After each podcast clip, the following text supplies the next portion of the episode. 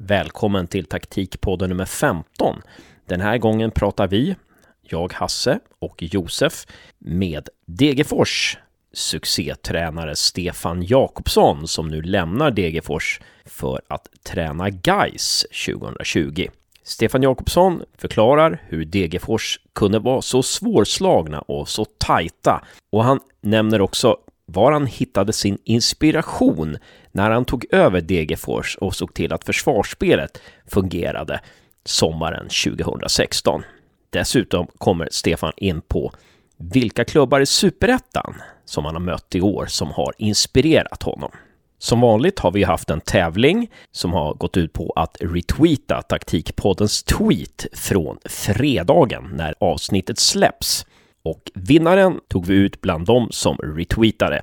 Och denna vinnare är kontaktad. Och vad vinner den här personen då? Jo, han eller hon vinner en månads provprenumeration på Game Insight Soccer. Och Game Insight Soccer vet ni kanske vid det här laget, trogna taktikpodden-lyssnare, är Lars Lagerbäcks, Hasse Backes och John Walls uppfinning där man prenumererar och får tillgång till moduler för spelförståelse. Ni missar väl inte att vi har vår vlogg på Youtube där vi har kommit med ganska många avsnitt hittills både på svenska och engelska och ett nytt avsnitt släpps som vanligt nu på söndag. Och det är som alltid John Wall som förklarar ett taktiskt moment. Så prenumerera på oss gärna på Youtube så missar du inga avsnitt. Gå gärna också in på Podcaster om du har iPhone och ge oss högsta betyg där. Ja, det var väl allt som vi hade att förklara innan vi kör igång. Så vad gör vi nu då? Nu kör vi igång. Välkomna till nummer 15.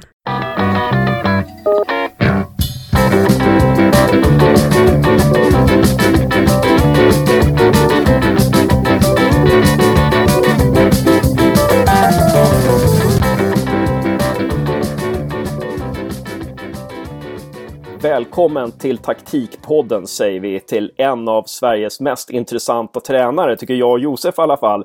Stefan Jakobsson. Tack så mycket.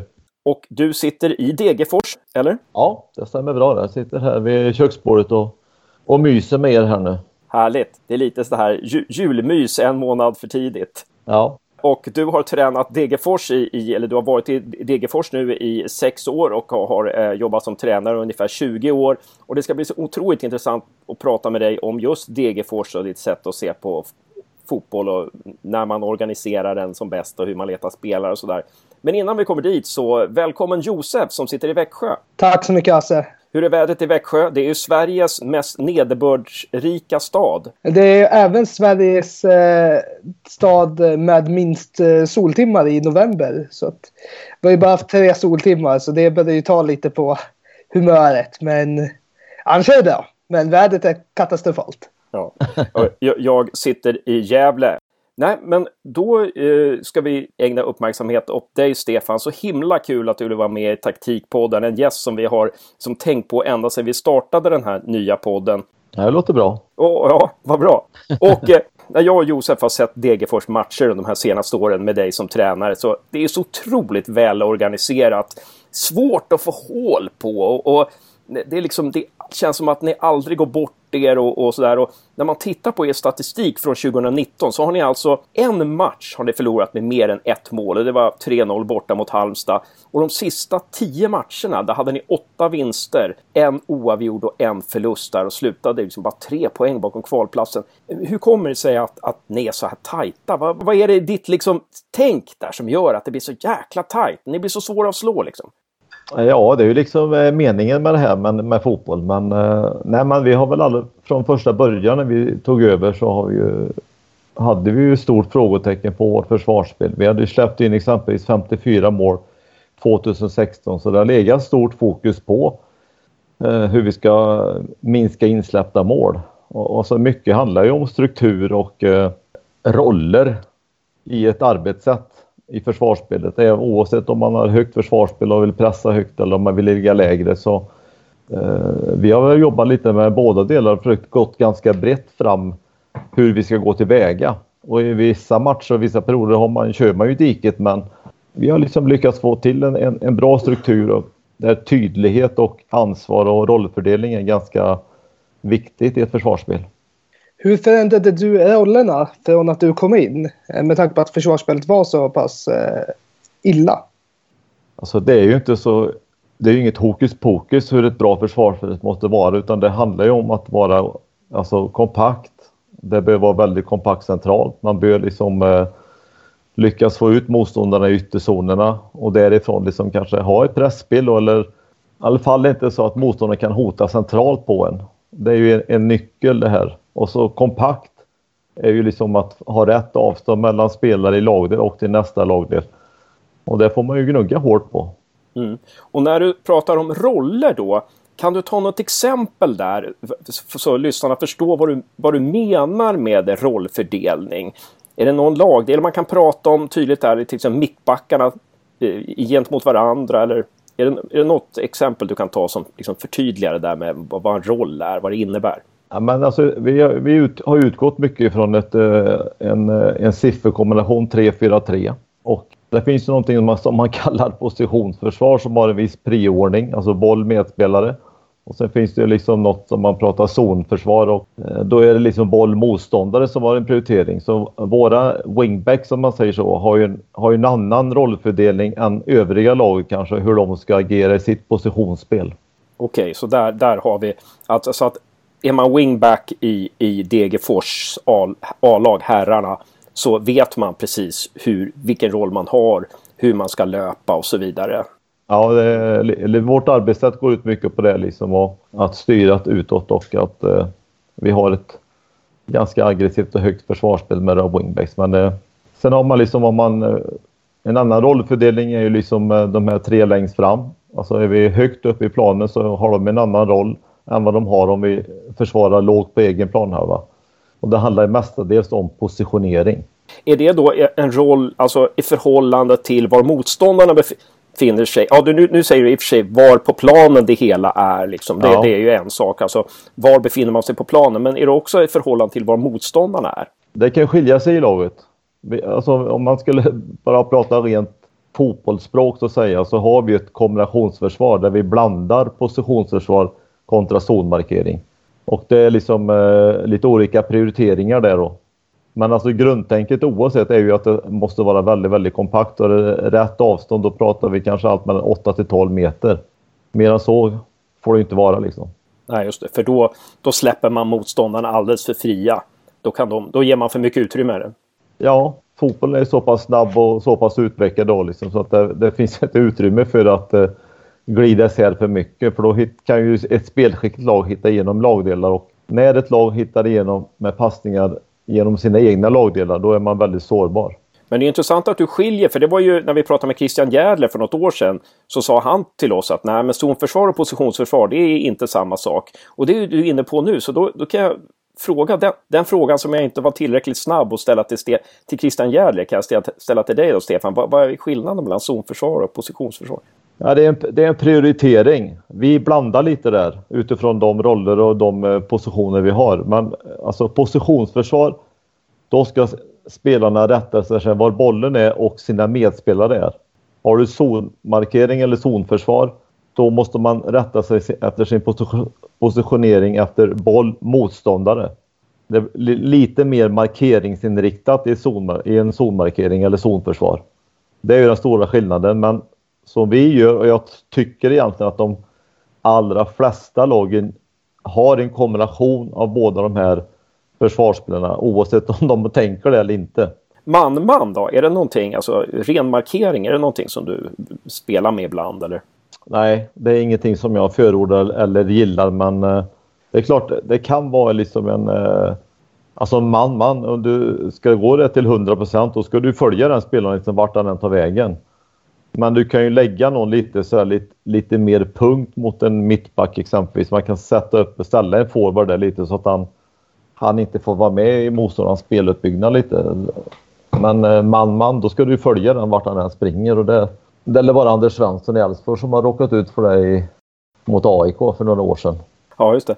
Det, det. det, är lite med handboll kanske. Men, men, men just alltså, som du pratar om, en mittback till exempel. Det kan bli så att att man tänker så här att när deras eh, nia kommer ja. in i vårt straffområde då ska du följa honom. Lite så eller? Ja, så kan det vara. Markeringsförsvar kan man ju ha liksom eh, på fasta situationer och man kan bestämma liksom att vid inläggssituationer så ska vi följa våra spelare. Det gör man ju nästan idag liksom. Men alltså när du pratar man-man, det är ju liksom om eh, våran mittback, liksom, vi har en, en bra mittback med väldigt bra uppspelsfot. Liksom. Då kan man kanske putta upp en forward där liksom, så att han inte får vara med eller man kan markera honom lite mer liksom, och störa deras speluppbyggnad. Annars så, så vi har ju ren markering på, eller blandat också på fasta situationer. Då tar man ju upp sin spelare. Till och med Pelle Olsson har börjat med markering på fasta situationer. ja. ja, du ser.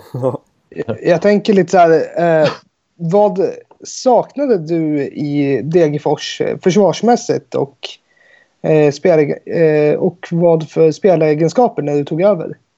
Degerfors 2016 läckte ju väldigt mycket liksom på något sätt. Jag tror nog liksom att det var rent, eh, alltså arbetssättet var inte tillräckligt kompakt. Utan eh, man tappade boll och fick, åkte på mycket kontringar och den där biten. Och, eh, det är ju någonting som vi har jobbat mycket med, liksom att eh, just förhindra kontring. Och vi hade problem även 2017 vet jag liksom med, med de grejerna. Liksom. Vi var oftast ganska spelförande men tappade boll på fel ställen och straffades för det. Och, eh, det är någonting som vi har försökt att förbättra varje år här. Så att, eh, eh jag tror att själva arbetssättet, helheten har vi, har vi förbättrat. Det är inte liksom några speciella egenskaper utan eller jag eller Degerfors är ju på den nivån. Man kan inte peka och välja och vraka och köpa vad som helst utan eh, det gäller att hitta liksom guldkorn utifrån vissa saker och sen eh, eh, så får man helt enkelt kavla upp skjortärmarna och jobba, jobba med spelarna. Hur har, hur har ditt sätt att coacha förändrats sedan du tog över Degerfors för tre och ett halvt år sedan till, ja, fram till den här hösten? Kan du peka på några saker? Här? Eller ditt takti har du några taktiska förändringar som du liksom har, om du jämför? För det första har vi varit väldigt tydliga med vad, vad vi vill i vårt försvarsspel och eh, även vårt anfallsspel. Det är väl den, den stora förändringen tycker jag. Liksom, vi har lagt en, en grund som vi har trott på. Sen har vi jobbat liksom successivt varje vecka efter vecka, månad efter månad, år efter år. Det tar lite tid liksom att, att hitta rätt och man måste liksom kanske köra i diket ibland för att kunna reflektera över vad, nej det stämde inte riktigt där liksom. Så att eh, eh det är väl mer alltså, tydligheten mot spelarna liksom att det här förväntar vi oss av er. Eh, sen handlar det om att spelarna vill göra ett, göra ett jobb tillsammans. Se till att helheten blir bra. Eh, jag vet inte om du lyssnade på min, mitt snack med David Sumter här för eh, några veckor sedan. Men eh, matematiker och analytiker åt Hammarby. Han är ju väldigt eh, inne på det här. Han utgår ifrån matematik och strukturer och sådär. Och menar att det räcker att det är en spelare som inte gör sitt jobb så faller hela lagbygget. Är det någonting som du har erfarit också? Eller? Ja, men han har ju helt rätt där. Det, alltså, säg att man bestämmer sig liksom att vi ska ha ett, eh, ett försvarsspel som är eh, högt upp på motståndarens planhalva. Vi ska, vi ska sätta press på bollhållare. Eh, är det då så att inte man förflyttar sig tillräckligt snabbt eller inte förflyttar sig alls av någon anledning. Då kan ju det bli liksom tungan på vågen att man inte har ett bra försvarsspel. Så det är otroligt viktigt liksom att alla spelare, att man säljer in ett bra försvarsspel så att spelarna köper det. Och idag om man tittar på modern fotboll så är, är ju toppfotboll i Europa är ju enormt bra liksom på hur, hur man äh, har det. Ta Liverpool exempelvis. De är så intensiva i sitt försvarsspel. Det finns ju ingen spelare där som inte gör det jobbet. Det är väldigt få spelare idag i, i toppfotbollen som deltar lite mindre i ett försvarsspel. Det finns fortfarande några men äh, det blir mindre och mindre. Det var inte som för 20 år sedan man kunde ställa en gubbe där uppe liksom. Nej, det, så är det ju inte. Utan Eh, då får ju motståndaren ett för stort övertag i sin speluppbyggnad så att eh, det gäller att förhindra den så mycket som möjligt och alla spelare måste delta. Jag tänker, hur säljer man in eh, en idé av ett försvarsspel? Nej, alltså, för det första så gäller det liksom att man i tränarteamet eh, Hitta lite nycklar liksom som man eh, måste få fram till spelarna. Sen handlar det väl väldigt mycket om att visa spelarna sen liksom i en feedback, digital feedback att titta här, här gjorde vi precis som vi har pratat om, som vi har tränat om och då erövrar vi bollen också. Och sen kan man visa även ett mindre bra exempel om man tycker att det är bra. Här gör inte du din förflyttning exempelvis och eh, då lyckas motståndarna spela sig igenom där. Så att det gäller liksom att både naturligtvis verbalt men även visuellt visa för spelarna att kolla här, det här fungerar om vi gör som vi, har, som vi har, tänker oss. Intressant. Du var inne på Liverpool där. Hur mycket, eller var hämtar du dina influenser ifrån? När du ser matcher sådär, är, är det så här att åh, det där måste jag plocka upp? Eller hur, hur, funkar det sånt där? Nej, men jag tycker man får influenser från alla äh, tränare och, liksom, och för, även från andra lag i Superettan. Man ser mycket liksom, äh, speciellt när man går igenom matcherna efteråt Eh, i lite lugn och ro. Så ser man många bra idéer liksom så att eh, jag är inte någon sådär som säger att jag kommer inte ta upp idéer från någon annan tränare utan det gäller att ta så, så mycket bra saker som man hittar och ser. Så att, eh, men just det här liksom hur vi startar upp allting i Degerfors här, då tittar jag mycket på Chelsea. Eh, och det utgick ifrån en trebackslinje och som året 2016 var så trodde vi liksom, ja vi kanske kommer tvingas försvara väldigt mycket. Eh, så vi tittar på hur Chelsea var lite. Eh, ju lägre ner de kom så var de ett 5-4-1 och så har vi även också varit liksom när vi försvarar runt omkring vårt eget straffområde så har vi hamnat i en 5-4-1 eh, formation.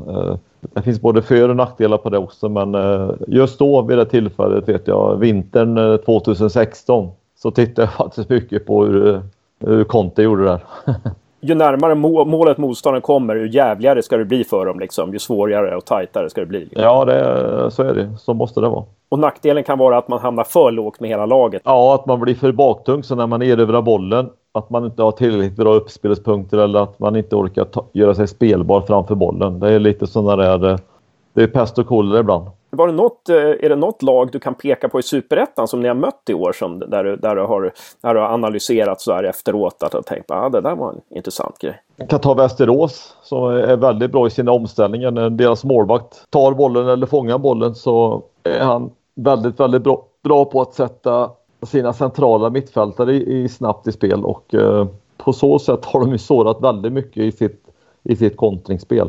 Sen är det ju alla, alla lag i toppen, eller alla lag har ju sina bra sätt att eh, jobba med. Eh, Jönköping Södra är väldigt intressanta att titta på.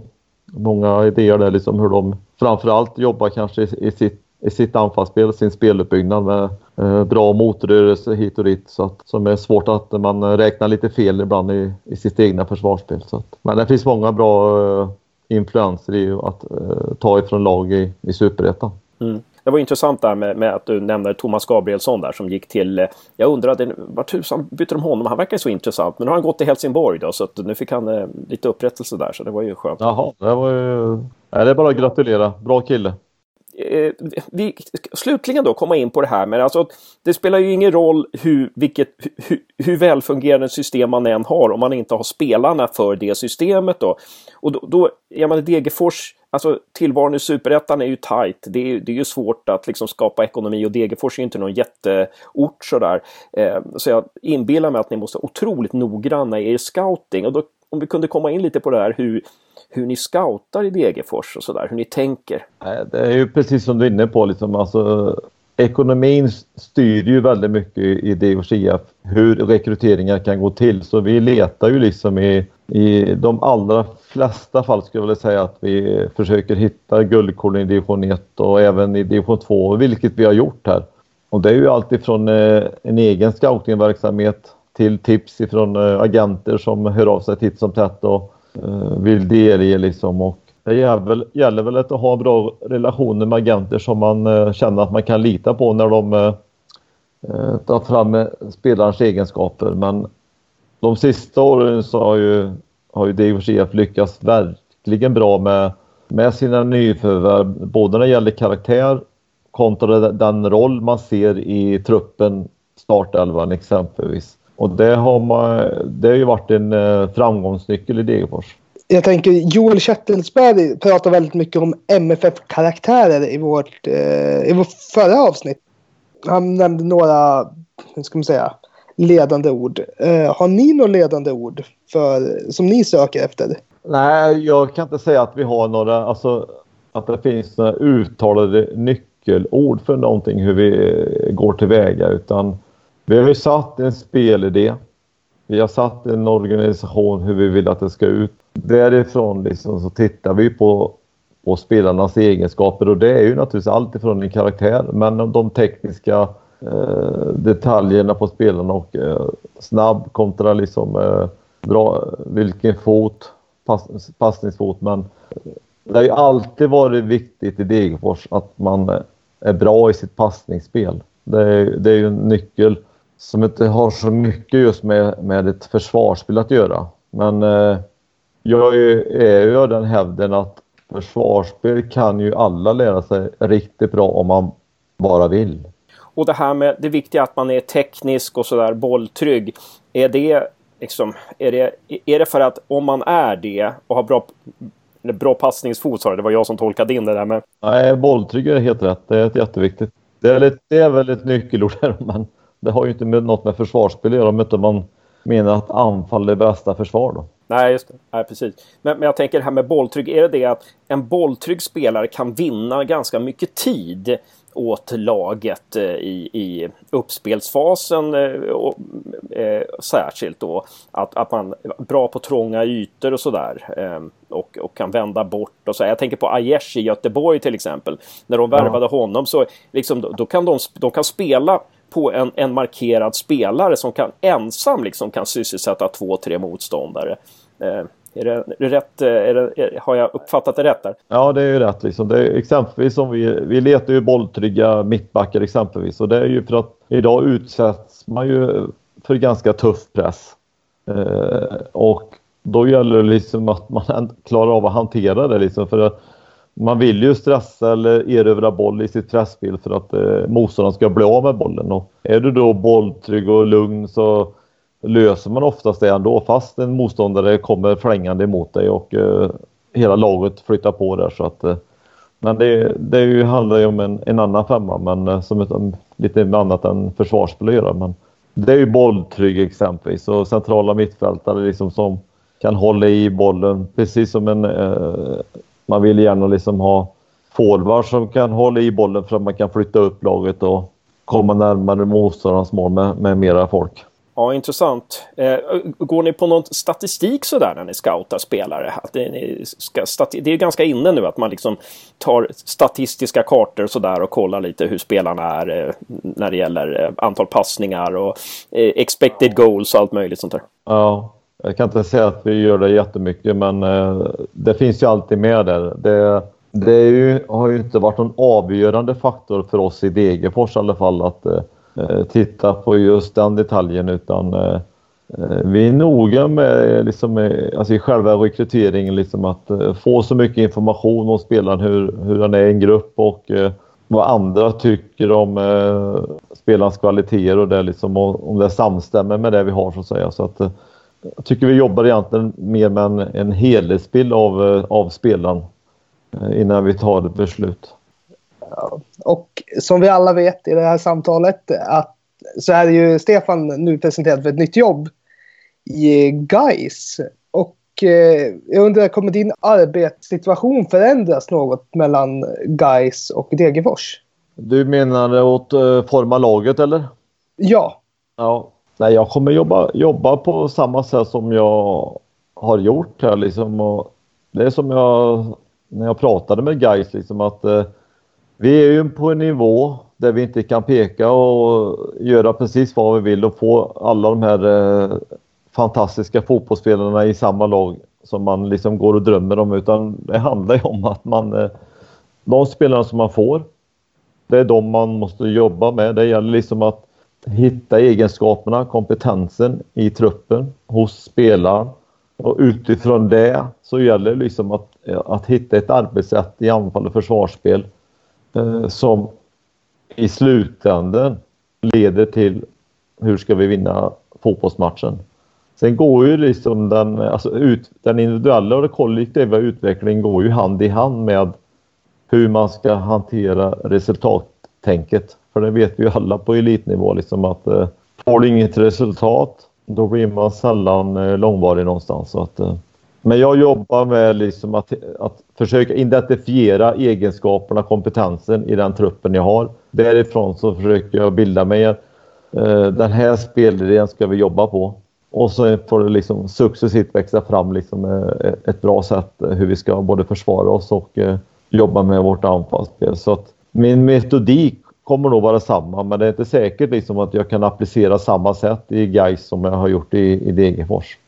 Men grundtänket kommer vara ungefär detsamma. Du, du har vissa principer som du inte ruckar på på något vis. Nej, men alltså, alltså principer i försvarsspel. Alla, jag tror alla som håller på med fotboll liksom förstår hur ett försvarsspel måste vara. Liksom. Och, alltså, ordet kompakt om man säger så, det låter tjatigt, det låter enkelt, men det handlar ju om det. Liksom. Alltså, oavsett om du vill pressa en motståndare så måste laget vara kompakt ändå. Du kan inte bara pressa med två, tre spelare för då är du bortspelad. Så att, eh, det handlar ju om, eh, om, eh, om struktur, disciplin och, och ett, ett, ett kollektiv som måste göra en helhet bra. Nej men bra, otroligt spännande ska det bli. Flyttar, flyttar ni till Göteborg eller hur blir det? Ja, vi ska flytta till Göteborg så att eh, vi ska väl försöka hyra ut vårt hus här i Degerfors. Och har ni några som vill bo i Degerfors och hyra hus så får ni gärna kontakta mig. Ja, kanske ska flytta vårt huvudkontor dit då. Taktikpoddens huvudkontor. Ja. um, Ja, tack så väldigt mycket Stefan Jakobsson. Otroligt intressant det här eh, och eh, vi lärde oss otroligt mycket av det här. Eh, hoppas du vill vara med flera gånger i Taktikpodden. Absolut. Det är ju en ära att få vara med och snacka lite mer här. Grymt. Och lycka till i Göteborg. Stort tack. Och Josef, var rädd om dig i Växjö. Bra jobbat. Tack detsamma och väldigt bra jobbat Stefan och grattis till det nya jobbet. Tack så mycket Josef.